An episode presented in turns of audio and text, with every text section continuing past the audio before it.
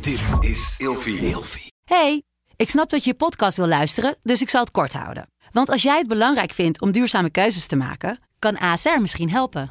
Nou hoor ik je denken, hoe dan? Nou, bijvoorbeeld bij het duurzaam herstellen van schade. Of de premies die we beleggen volgens ons duurzaam beleggingsbeleid. Dat bepaalt waar we wel en juist niet in investeren.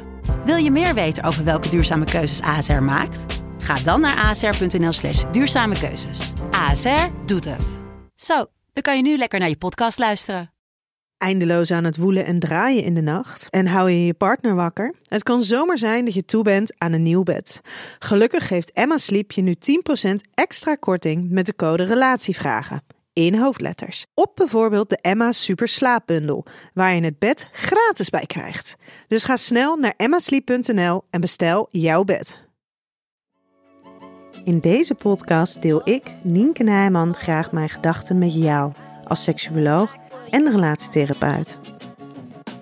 Hij kwam nu al zo'n vier jaar bij mij, met een variatie in frequentie en inhoud van de gesprekken.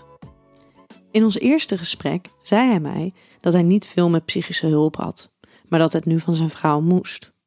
Dat hij waarschijnlijk niets van mij aan zou nemen, maar dat dat niets persoonlijk naar mij toe zou zijn. Nu vier jaar later komt hij nog steeds. En hij lacht rijkelijk als ik hem confronteer met zijn vermijdende gedrag of zijn belabberde uiting van zijn gevoel.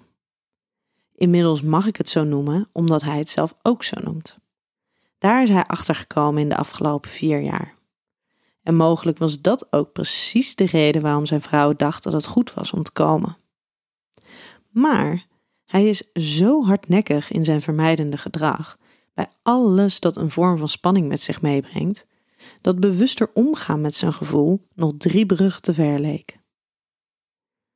Totdat hij onlangs bij me binnenstapte. Hij had een neerslachtigheid over zich heen hangen, maar tegelijkertijd begon hij te lachen. Het is je gelukt hoor, eindelijk. Mijn nieuwsgierigheid was getriggerd, aangezien we elkaar door de kerstperiode al vier weken niet hadden gezien. Ik kan niet meer om mijn gevoel heen, zei hij. Door een escalatie op zijn werk was hij volledig ingestort. De maanden ervoor was het thema thuiswerken en het opnieuw vorm en betekenis geven aan zijn rol als teamleider voortdurend besproken. Maar het was hem toch te veel geworden.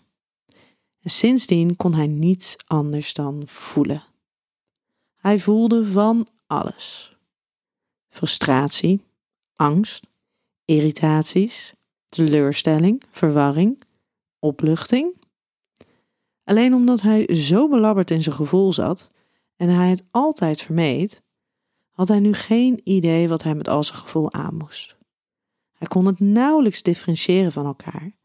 En er was zoveel gevoel dat het hem ook niet meer lukte om het te vermijden. In de weken erna leerde hij telkens meer om met zijn nieuw verworven noodgedwongen vaardigheid om te gaan.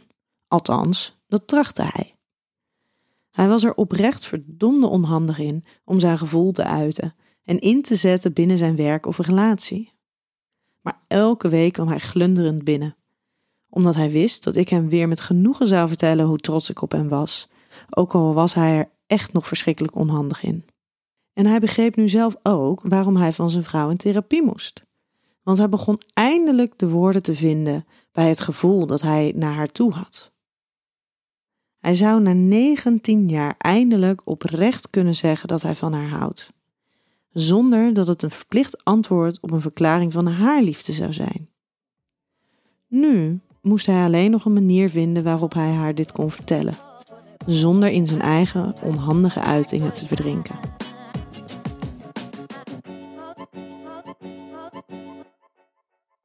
Met de code RELATIEVRAGEN in hoofdletters krijg je 10% korting bovenop de 50% korting die je nu krijgt op het bed dat ik bijvoorbeeld heb. Dus ga snel naar emmasleep.nl en bestel jouw bed.